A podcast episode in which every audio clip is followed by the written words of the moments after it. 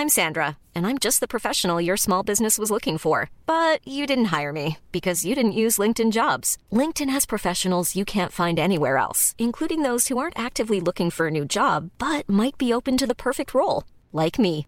In a given month, over 70% of LinkedIn users don't visit other leading job sites. So if you're not looking on LinkedIn, you'll miss out on great candidates like Sandra. Start hiring professionals like a professional. Post your free job on linkedin.com/people today.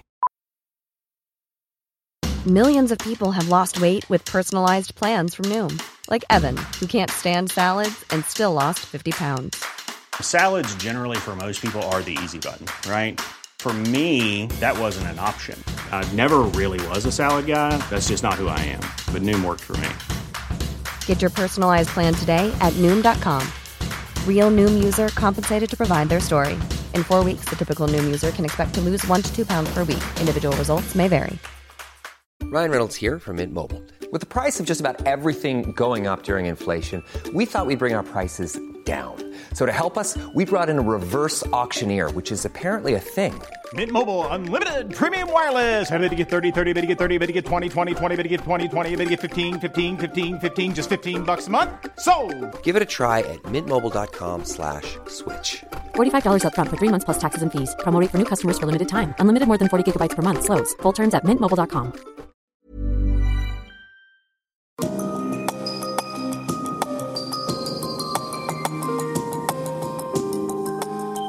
Du lytter til podkast fra Oslo Militære Samfunn. Besøk vår hjemmeside oslomildsamfunn.no, og se oss også på Facebook, Twitter og LinkedIn. Tusen takk for uh, introduksjonen. Nå skal jeg også introdusere meg selv litt. Jeg kommer fra Skien, men det er ikke så tydelig på språket mitt, for jeg har vært i København i nesten 49 år nå. 19 år i Skien og 49 år i København. Jeg snakker så godt norsk jeg kan, og jeg håper at dere forstår. Og for at ikke noen skal være i tvil, så har jeg norsk pass. Norsk statsborger. Jeg vil eh, forsøke å bruke de 45 minuttene jeg har fått, tildelt, eh, så effektivt som mulig, men jeg skal prøve å la være med å snakke for fort. Det tror jeg ikke er hensiktsmessig. Men introduksjonen av meg og Nord-Korea, kan man si, eh, det handler om at jeg eh, studerte kultursosiologi ved Københavns universitet. Det er et fag hvor man skal forstå hele verden, egentlig. Litt om alt, kort fortalt. Og eh, det består av sosialantropologi, sosialpsykologi og sosiologi. Og så har vi litt statskunnskap, og så har vi litt statistikk og økonomi. Så det er et stort fag, og jeg var mange år om å bli kultursosiolog og fikk en doktorgrad i det. I 1984 skulle jeg skrive en større rapport om et det vi kalte ikke-industrialisert samfunn i den, det vi kalte den tredje verden den gangen. Altså det som ikke var Europa eller USA. Den tredje verden. Og jeg traff samtidig en gruppe av profesjonelle venner av Nord-Korea. Og da kan dere tenke dere hva slags folk det var. Men de var jo snille og greie. Jeg sa kan jeg ikke komme med på den turen dere skal til Nord-Korea nå? For jeg kunne tenke meg å prøve å undersøke hvordan det landet er. Og de sa jo, det er i orden. Vi har en plass tilbake, og du skal bare betale reisen til Moskva. I Moskva fikk vi til og med masse rubler eh, som vi kunne bruke ute i byen. Helt nystrøkne og fine. Og eh, vi fikk veldig fin behandling. Det var jo den gangen at verden var delt opp i øst og vest. Og Sovjetunionen var jo da tilsynelatende nesten en supermakt. Men det fortsatte ikke så lenge. Jeg kom til Nord-Korea sammen med vennene. Og jeg oppfattet da at den måten de forsto landet på, det var ikke noe jeg egentlig ville abonnere på. Den måten som nordkoreanerne fortalte om landet på, var egentlig heller ikke noe jeg ville abonnere på. Og Da tok jeg en beslutning. Det her må jeg prøve å finne ut av. Hva er det for et land? Hva er det for et system? Hva er det for noen mennesker? Hva tror de på? Og hvor vil de hen? Det har jeg så brukt resten av mitt profesjonelle liv på. Og jeg vil ikke påstå at jeg vet alt, men jeg vet en del. Mer enn de fleste i vår del av verden.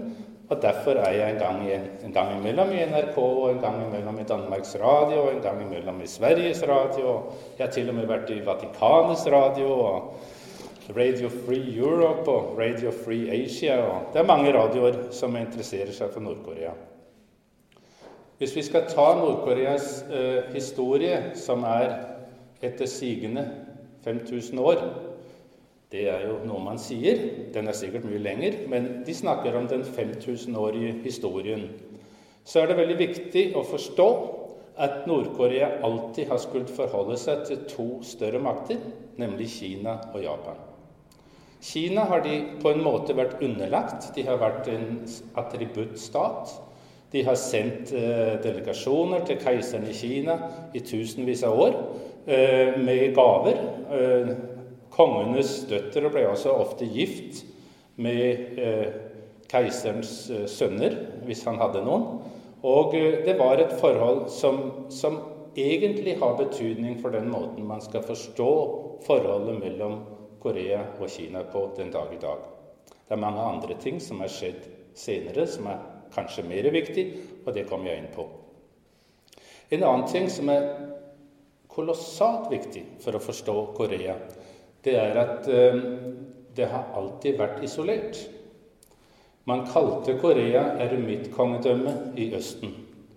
Og Korea, eh, som jo ikke var delt før i 1945, men Korea forsøkte å holde omverdenen ute. Eh, kom det skip fra omverdenen, så ble de skutt i brann. Mannskapet ble tatt til fange, og noen ganger slått i hjel, andre ganger sendt hjem. Man ønsket ikke å ha en relasjon til omverdenen. Så isolasjonisme er en veldig viktig del av deres måte å tenke på og agere på. Så vil jeg kort si at man blir nødt til også å kikke på religionene i den del av verden. I Korea er det tre religioner, eller to og en halv, kan vi si, som er avgjørende for å forstå landet. Det er sjamanismen, som jo er en åndetro, eller en tro på at allting er besjelet av en ånd. Steiner og fjell og trær og elver og ilden i kjøkkenet osv. Den troen eksisterer den dag i dag. Den har ikke kirker, den har ikke menigheter, men den er dypt begravet i koreanernes tankegang. Buddhismen, som kom fra India over Kina til Korea, er enormt viktig. Buddhismen er kvinnenes religion, men den påvirker gjennom kvinnene også mennene, deres sønner og deres menn. Og den legger grunnlaget for den måte man forstår verden på. Og så kommer den halve religion, da, nemlig konfusianismen som jo ikke er noen religion, men en morallære. Kanskje en morallære som er ganske politisk. Og den er grunnlaget for måten man forstår samfunnet på i den del av verden. Det gjelder faktisk også Kina, det gjelder også Japan, det gjelder Vietnam, eh, men det gjelder i veldig høy grad Korea. Det har formet landets politiske kultur, herunder regionalisme og lederdyrkelse. Lederdyrkelse har man i Nord-Korea. Men de fleste av de som sitter her i dag, kan også huske lederdyrkelsen i Kina og lederdyrkelsen i Vietnam. Og det bygger mye mer på konfusianismen enn det bygger på en kommunistisk ideologi. Det var det ikke pent å si engang, men det er faktisk fakta. Hvis jeg nå hopper fra tradisjon og fortid til eh, tiden omkring Koreakrigen, den kalde krigen, verden etter 45, som også er veldig viktig å ha med i bildet når man prøver å forstå det som skjer i nord og i sør i dag. Atombombene over Hiroshima og Nagasaki var tettere på Korea enn de var på oss. Eh, det var eh, en eh, hendelse som har satt veldig dype merker i koreanernes måte å tenke på. Og det er faktisk sånn at allerede i slutten av 40-årene så ville den daværende leder i Nord-Korea, Kim Il-sung, veldig gjerne ha atomvåpen. Han ville gjerne ha det av Sovjetunionen. Det fikk han ikke. Men han ville Han så det som det ultimative forsvarsvåpen som Nord-Korea som et lite og fattig land hadde bruk for. Nå har de fått det, og det kommer jeg tilbake til. I Koreakrigen var det sånn at eh, USA overveide anvendelsen av atomvåpen. Det var eh, heldigvis en fornuftig president og folk i Pentagon og andre steder i USA som fikk stoppet general MacArthur, som var overbevist om at atombomben kunne både løse Koreakonflikten, men også stoppe Kinas framferd. Det skjedde ikke, men frykten for atomvåpen den er stor i Korea. Jeg har akkurat lest en bok som heter 'Cry Korea'. Og Den er skrevet av en engelsk krigskorrespondent som fulgte troppene under Koreakrigen. Han skriver ting som jeg, selv om jeg nå er en slags ekspert på det her, ikke visste. Nemlig at motstanden mot de amerikanske tropper når de gikk inn i Nord-Korea under Koreakrigen, var nesten ikke til stede. Det var eh, Nord-Korea var ikke i stand til å stoppe Sør-Korea, Japan, eh, især USA og de allierte troppene som gikk inn i landet. Og det var først når MacArthur begynte å snakke alvorlig om bruken av atomvåpen, at kineserne sendte 200 000 soldater inn i Nord-Korea, og krigen eskalerte voldsomt. Eh, det er også noe man skal tenke på når man prøver å vurdere dagens situasjon. Nå, innen jeg går til det egentlige manuskriptet som jeg har liggende her, så vil jeg nevne noen få episoder som kanskje gir litt eh, inntrykk av hva tradisjonen gjør med menneskene. Når jeg kom til Nord-Korea første gangen, i 1984, så fikk jeg en guide han skulle selvfølgelig passe på at jeg så det jeg burde se, og ikke så noe annet. Men han var faktisk et uh, veldig hyggelig uh, menneske, og vi fulgtes jo nesten dag og natt. Og en dag vi var ute og gå en tur, så holdt han plutselig min hånd. Og eh, det hadde jeg ikke egentlig prøvd for, før, eh, bortsett fra når min far tok min hånd og vi var ute og gå i skogen. Men denne unge mannen han holdt meg i hånden, og så sa han, 'Må jeg kalle deg min eldre bror?' Og ja, det må du vel gjerne, sa jeg da, uten egentlig å forstå hva det her handlet om.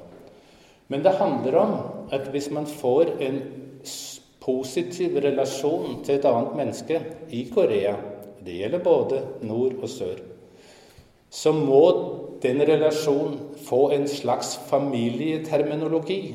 Man må kunne si eldrebror, yngrebror, far, onkel, bestefar. Man må, fordi det er Alle relasjoner har noe med familien å gjøre. Og det viste seg så altså at i det kommunistiske Nord-Korea, hvor alle den slags tradisjoner var forsøkt og fjernet, der var konfusianismen stadig veldig sterk. Og, og det syns jeg var interessant, da. Det var også interessant selvfølgelig at vi om dagen kunne snakke litt om vestlige forhold, og han var temmelig avvisende. Og mente ikke at vi hadde så mye å by på i Vesten. Blant annet hadde jeg noen kassettebånd. Det hadde man den gang. Det var lenge før alt det moderne som er nå. Og jeg hadde Beatles-musikk med. Og jeg spilte litt Beatles-musikk for han på min kassettebåndopptaker, og han sa det høres forferdelig ut. Eh, om kvelden så banket han på min dør og sa kan jeg låne det båndet du hadde med den musikken. For eh, han ville gjerne høre den allikevel. Og eh, Det viser jo at eh, det er muligheter for dialog, det er mulighet for kommunikasjon. Det er ikke lett, men det kan la seg gjøre. Akkurat samme opplevelse hadde jeg når jeg snakket med folk som var i ledelsen. Ikke den aller øverste, men folk som møter sånne som meg. Jeg snakket om at jeg liksom hadde forstått at konfusianismen har stor betydning for den måten de ser verden på. Og så sa de nei, nei, nei. Det har du misforstått. Det er sånn, det var det føydale samfunnet før revolusjonen, før allting blei mye bedre. Så, så, det må du ikke tro, det her. Og jeg sa ja, men jeg syns det er så mange ting i det dere sier og gjør, som minner meg om det jeg har lest om konfusianismens verdigrunnlag. Om kvelden spiste vi middag sammen, og vi fikk noe som heter sojo. Og det er sånn litt risvin, ca. 20 og eh, hvis jeg skal ta litt biologi med inn i bildet, så er det sånn at hvis man er fra Øst-Asia og tilhører den mongolske rasen, så tåler man ikke så mye alkohol som sånne store vikinger som oss. Så eh, når de ble litt røde i kinnene og blanke i øynene, så lente de seg inn over meg og så sa de det der med konfusjonismen Du har nok litt rett i det, men du må ikke overdrive det. Da tenkte jeg nå har jeg fatt på noe riktig. Så hadde jeg et møte for noen år siden, tilfeldig. Jeg var med i en stor EU-delegasjon, og jeg representerte Danmark på tross av mitt norske pass. Men eh, Danmark eh, pekte på meg som representant, og da jeg sa at, eh, at jeg var norsk, så sa de det var fint. Du må gjerne representere oss i EU-sammenheng i forhold til Nord-Korea. Da hadde jeg leilighet til å snakke med Nord-Koreas sentrale eh, økonomiske planleggingskommisjon. Og det var folk som jeg tror var eldre enn de fleste i lokalet her. De eh, var interessert i å høre om eh, vår del av verden, og jeg fortalte om den nordiske modellen. Og så satt de og rista på huet. Og jeg fortalte, og de rista på huet. Og så sa jeg unnskyld, men betyr det der når dere rister på huet, betyr det det samme i Korea som det gjør i vår del av verden? Ja, vi kan jo ikke akkurat tro det du sier, sa de så. For du kommer jo fra den kapitalistiske verden. Så sa jeg ja, vår økonomi er kapitalistisk. Men vårt politiske system er demokratisk og hvis jeg må være så fri, så vil jeg si det i virkeligheten er sosialdemokratisk. Eh, jeg pleier å si når jeg er i Sør-Korea, det er litt kontroversielt, at vi har veldig mange partier. Høyre, det Høyre sosialdemokratiske partiet og Fremskrittspartiet, som er et sosialdemokratisk parti, og Kristelig sosialdemokratisk parti, og vi har til og med Sosialistisk sosialdemokratiske parti. Men alle er mer eller mindre sosialdemokratiske. Og eh, det, det, eh, det, var en dansk deltaker i møtet, og han eh, måtte jeg kalle på og si unnskyld, kan du komme over til, til vårt bord? Og så prøve å fortelle litt om den nordiske modellen. Han gjorde det, og det var stort sett det samme som jeg hadde sagt. Og så sa de ganske voksne guttene det ville vi gjerne lære litt mer om. Og så fikk jeg invitert 15 koreanere fra regimet og 15 nordiske forskere som jobber med velferdsstaten som eh, fokusområde. Vi møttes i Shanghai i Kina, og i en hel uke så fortalte de nordiske forskerne om den nordiske velferdsstaten. Nordkoreanerne sa ikke et ord om Kim Il-sung eller Juche Philosophy eller noe som helst. De skrev notater, og til og med i pausene så kom de og spurte kan det være riktig, er det sant at folk i Norden betaler så mye skatt. Så sa vi ja, selvfølgelig er det sant. Og de fleste syns at det er ok. Ja, Noen ganger så blir vi litt sure over det, men vi vet jo at pengene stort sett går til fellesskapet. Og vi har jo skoler og universiteter og sykehuser som er betalt av skattepengene, og vi syns det fungerer ganske bra. Så det var eh, nytt for dem. Og eh, jeg kom til Nord-Korea året etterpå, ble kalt opp til Utenriksdepartementet, og de sa tusen takk. Vi, eh, vi er eh, overrasket, men vi er også veldig glad for at vi har fått de opplysningene, og vi vil jobbe mer med det. Ja, jeg eh, tror jeg stopper med episodene. Det er veldig mange andre, det er det jo på 30 år. Eh, men nå vil jeg tillate meg å ta fatt i det manuskriptet her. For det, satt jeg og leste på hotellrommet. Også, og det var noe jeg holdt i Utenriksdepartementet her i Oslo for noen få uker siden. Hvor eh, Asiadesken var samla. Og eh, da eh, Det var Stein Tønneson, og så var det meg, og så var det formann, eller en av spissene fra Norsk Røde Kors, som jobber med Nord-Korea. Vi holdt opplegg. Så det, nå, eh, det, det kalte jeg en fastfrosset konflikt med gjensidig isolasjon og gjensidig demonisering. Jeg kan på forhånd si at vår, altså den norske ambassadør i Seoul i Sør-Korea, han kom bort til meg etterpå og så sa han, det her er jeg 100% enig med deg i. Så han var en klok mann. Ja. I utgangspunktet er det viktig å huske at det er mer enn én aktør i konflikten, hvorfor dialog under alle omstendigheter må forberedes og forsøkes. Er de nåværende partene ikke i stand til dette, så bør andre gå inn med ideer og forslag.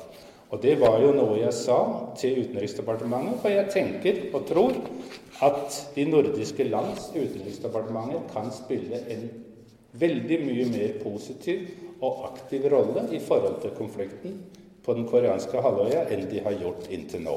Vi behøver ikke å overlate alt til svenskene, som har en ambassade i Pyongyang.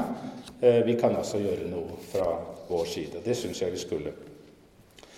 Konflikten, at den er fastfrosset, er det nok ingen tvil om. Og når det forholder seg sånn, så er det vel nødvendig å gå utradisjonelt til verks. Prøve å se muligheter i det som umiddelbart kan virke umulig. Eksisterende posisjoner i og omkring Nord-Korea-problematikken kan karakteriseres som en verbal skyttergravskrig. Og frykten for at det verbale skal komme over i en fysisk konfrontasjon, er reell. Aktuelt er situasjonen mer tilspisset enn den har vært i mange år. Jeg har tatt et utklipp med fra min avis, en av mine aviser i Danmark, som heter Informasjon, hvor Richard Haas, som er eh, en eh, observatør av Asia, som dere kanskje kjenner fra USA, han sier konfrontasjonen med Nord-Korea kommer. Spørsmålet er hvor når.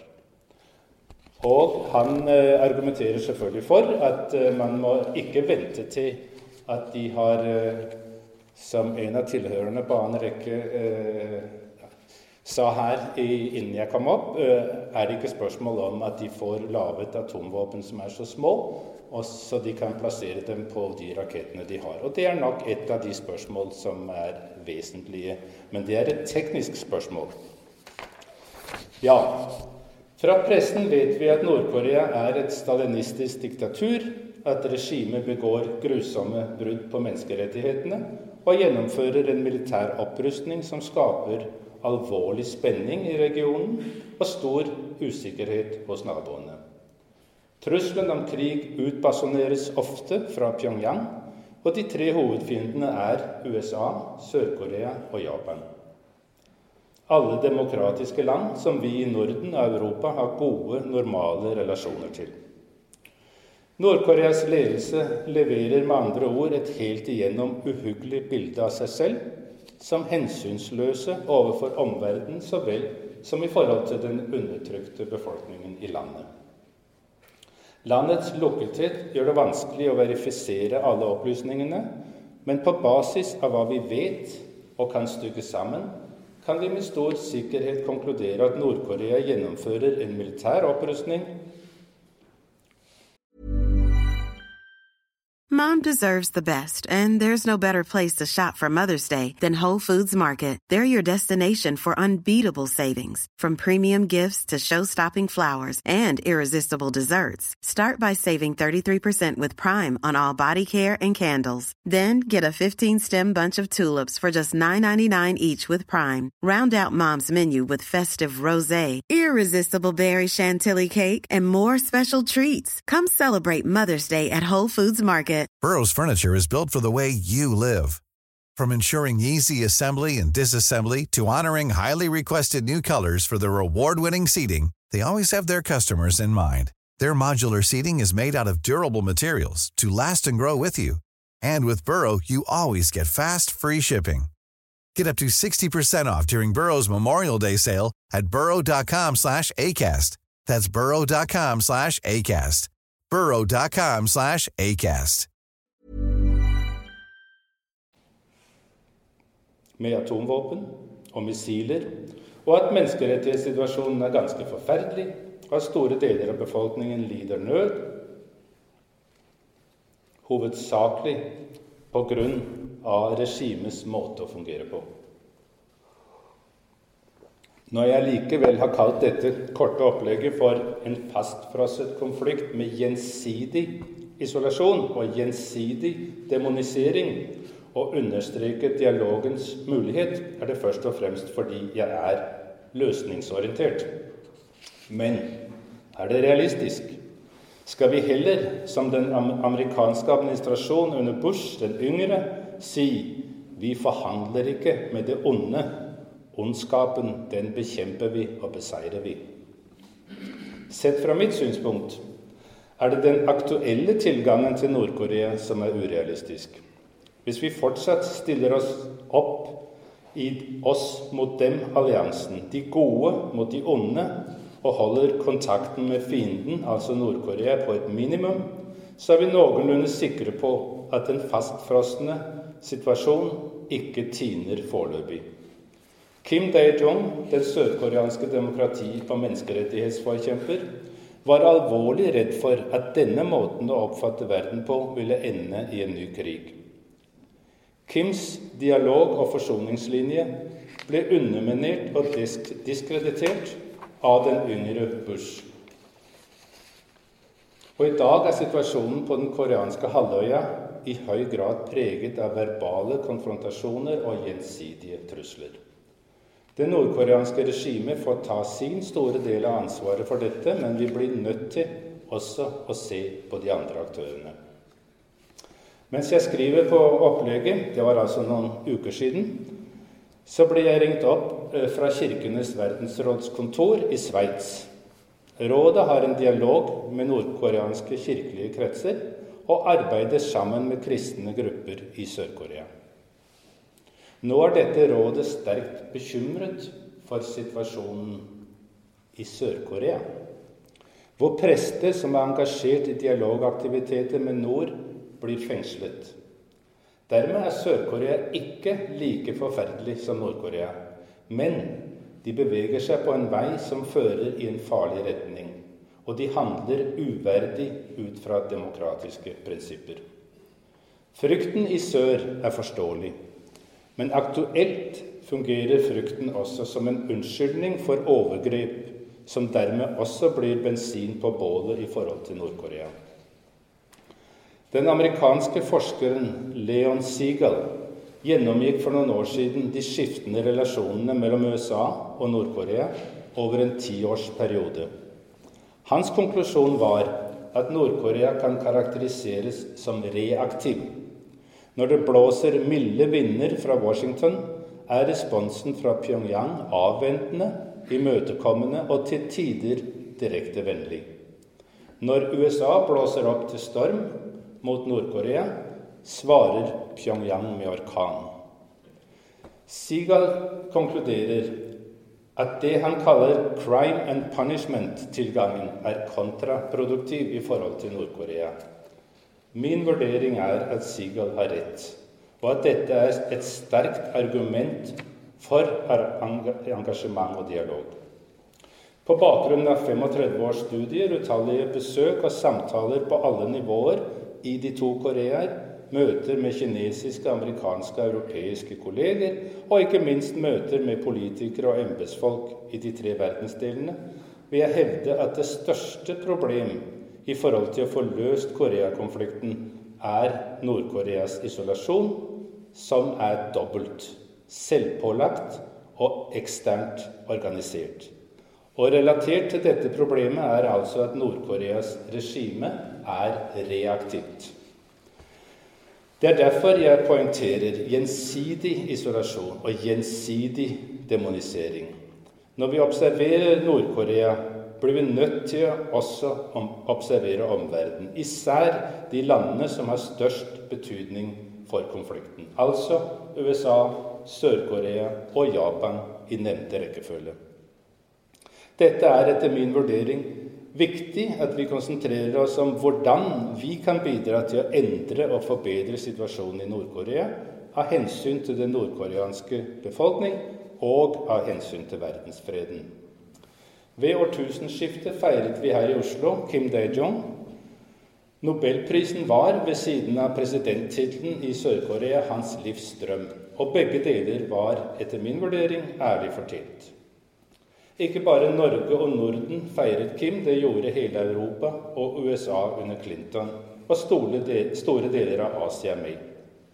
Dette fikk en brå slutt med Bush, hvis utenriks så vel som innenrikspolitikk fra første ferd ble døpt ABC Anything but Clinton. Men hvorfor lot resten av verden seg trekke med inn i en ny konfrontasjonspolitikk i forhold til Nord-Korea? Og dette til tross for at man ikke seriøst hadde testet mulighetene for å fortsette dialogen. Clintons utenriksminister Madeleine Albright skriver i erindringsboken 'Madam Secretary' at hun regnet med at den nye administrasjonen ville fortsette dialogen med Nord-Korea. Og hun nevner at hennes avløser, Colin Powell, forsikret henne om at dette ville skje. Men det gjorde altså regning uten Bush. Vi kan ikke vite hva som ville ha skjedd hvis Bush hadde fortsatt Clintons linje og sendt Powell til Pyongyang. Men nå, 16 år senere, kan det være nyttig å konsultere de som førte an og sto for en dialog med nord, og hvis troverdighet neppe kan betviles. Albright, som besøkte den nordkoreanske lederen Kim Jong-il i oktober 2000, skriver i klartekst at den daværende Kim fremfor alt ønsket å normalisere forholdet til USA. At han var innstilt på å akseptere amerikanske tropper i sør, som han mente spilte en stabiliserende rolle. Hun nevner at han er klar over problemene i sitt eget land, altså Kim, og at han ser Sverige som foregangsland. Det er dem som har ambassade i Pyongyang. Han er også opptatt av å finne en løsning, og møter gjerne president Clinton. Hun avslører også i boken at Clinton var mer enn villig til å reise. Det står på side 491. Og at hans stab gjorde de nødvendige forberedelser. Og nå siterer jeg Mange kongressmedlemmer og opinionsdannere var imot et toppmøte fordi de var redd for at en avtale med Nord-Korea ville svekke argumentene for et nasjonalt missilforsvar. Slutt. Så det ble ikke noe toppmøte. Og selv om Albright i bokens siste kapittel skriver at Bill Clinton på hans siste dag som USAs president overfor henne uttrykte at han ville ønske at han hadde tatt sjansen og reist til Nord-Korea så ble virkeligheten en annen. Nå virker det nærmest naivt å forestille seg et møte mellom presidenten i USA og Nord-Koreas diktator. Og det er det vel også naivt. Men er det også naivt å forestille seg en gjenetablering av dialogen? Skal vi med armene over kors vente på Nord-Koreas kollaps? Mange har gjort det lenge, og de venter ennå. Og jeg er redd for at kollapsen er mer et uttrykk for ønsketenkning enn for en sober vurdering av situasjonen i Nord-Korea. Nord-Korea er ikke som noe annet sted i verden, skriver Albright på side 483. Og det tror jeg hun har rett i. Og det skyldes selvfølgelig først og fremst isolasjonen. Hvis vi ønsker at Nord-Korea beveger seg i retning av det vi vil kalle normalisering, så de blir som mange andre steder i verden, så virker det for meg opplagt at vi må argumentere imot en fortsatt isolasjonspolitikk. Og også stille alvorlige spørsmålstegn ved bruken av embargo for å straffe regimet når det er åpenbart at straffen rammer befolkningen først og fremst.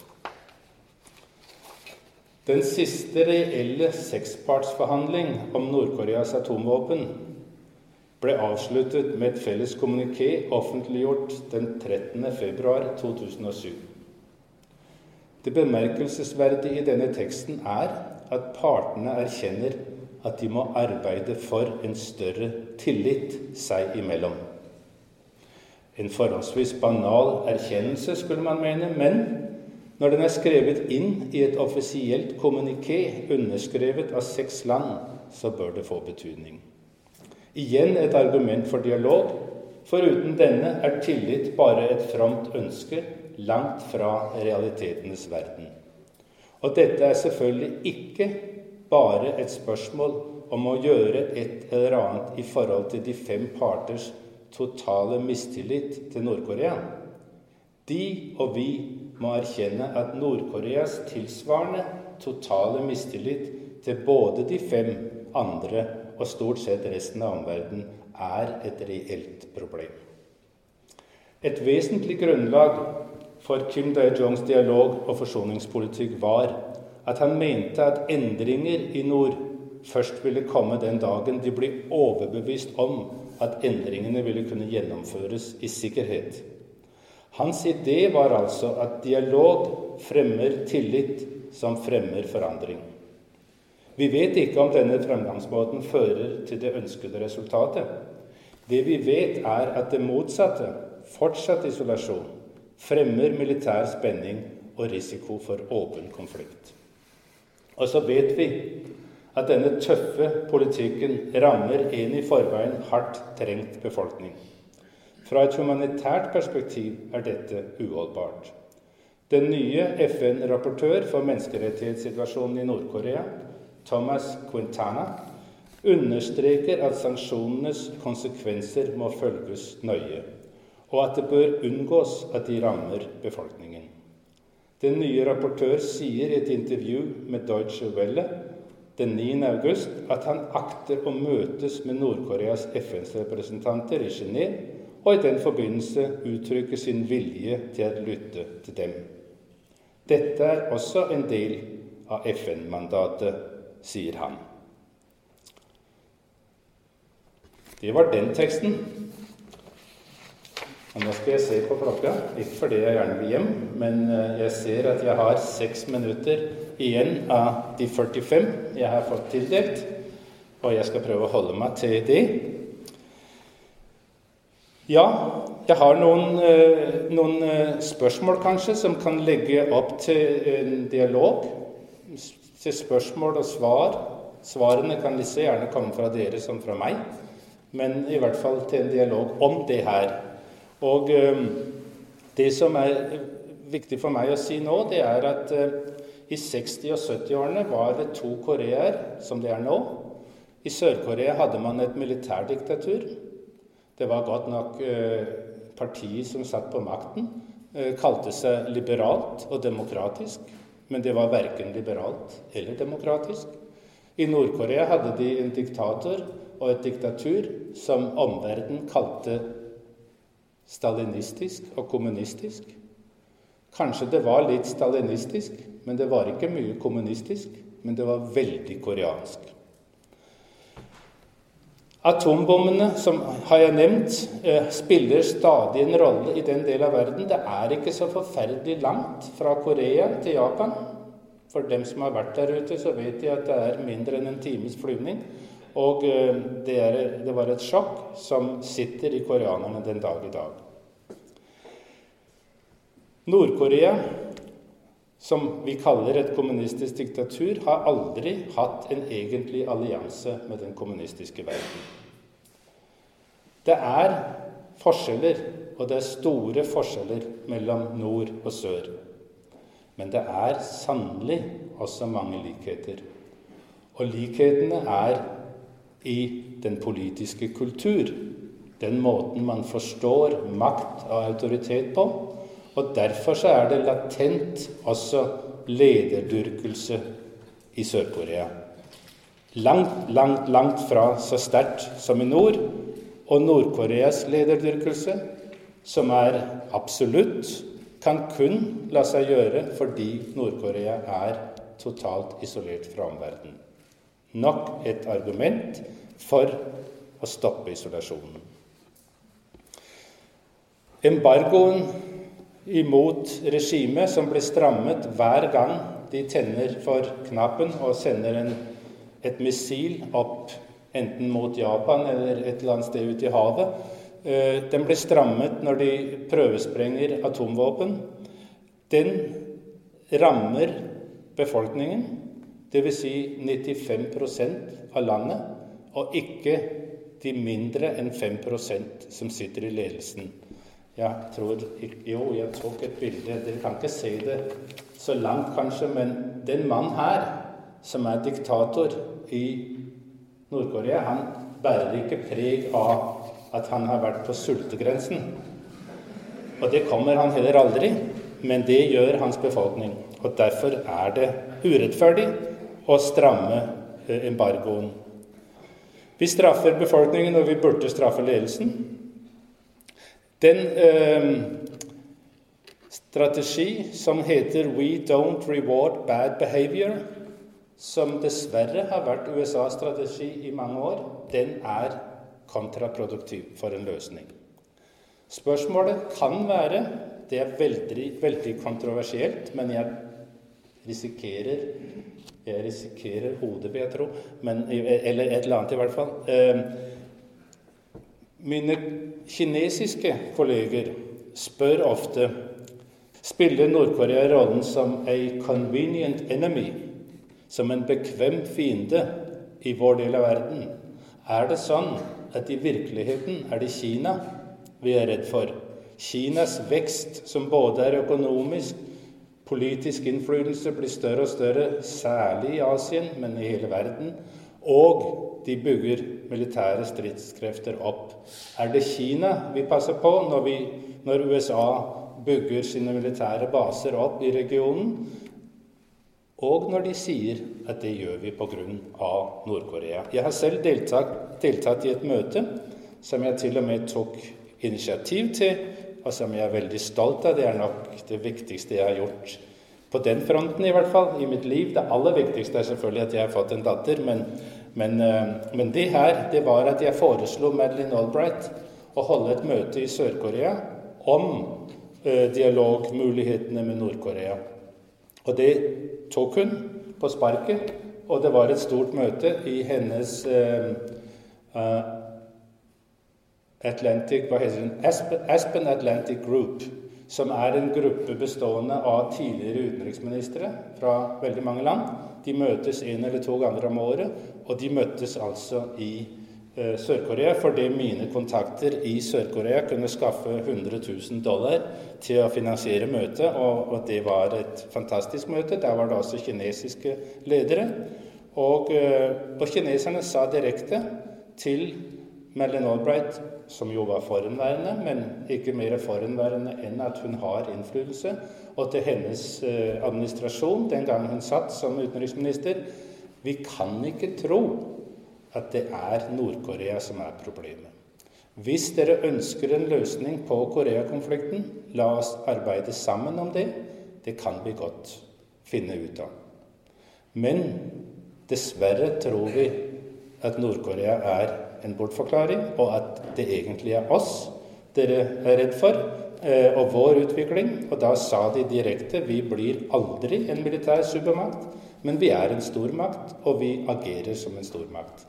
Ehm, det er jo interessant. Ehm, det er mange andre saker som kunne tas opp, og nå har jeg brukt nøyaktig 45 minutter, så nå stopper jeg. Takk for at dere hørte på meg.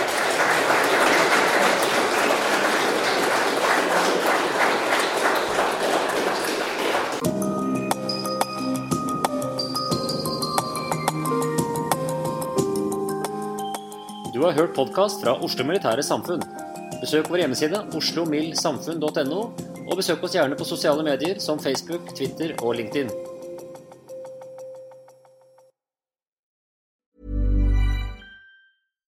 Deserves the best, and there's no better place to shop for Mother's Day than Whole Foods Market. They're your destination for unbeatable savings, from premium gifts to show-stopping flowers and irresistible desserts. Start by saving 33% with Prime on all body care and candles. Then get a 15-stem bunch of tulips for just $9.99 each with Prime. Round out Mom's menu with festive rosé, irresistible berry chantilly cake, and more special treats. Come celebrate Mother's Day at Whole Foods Market.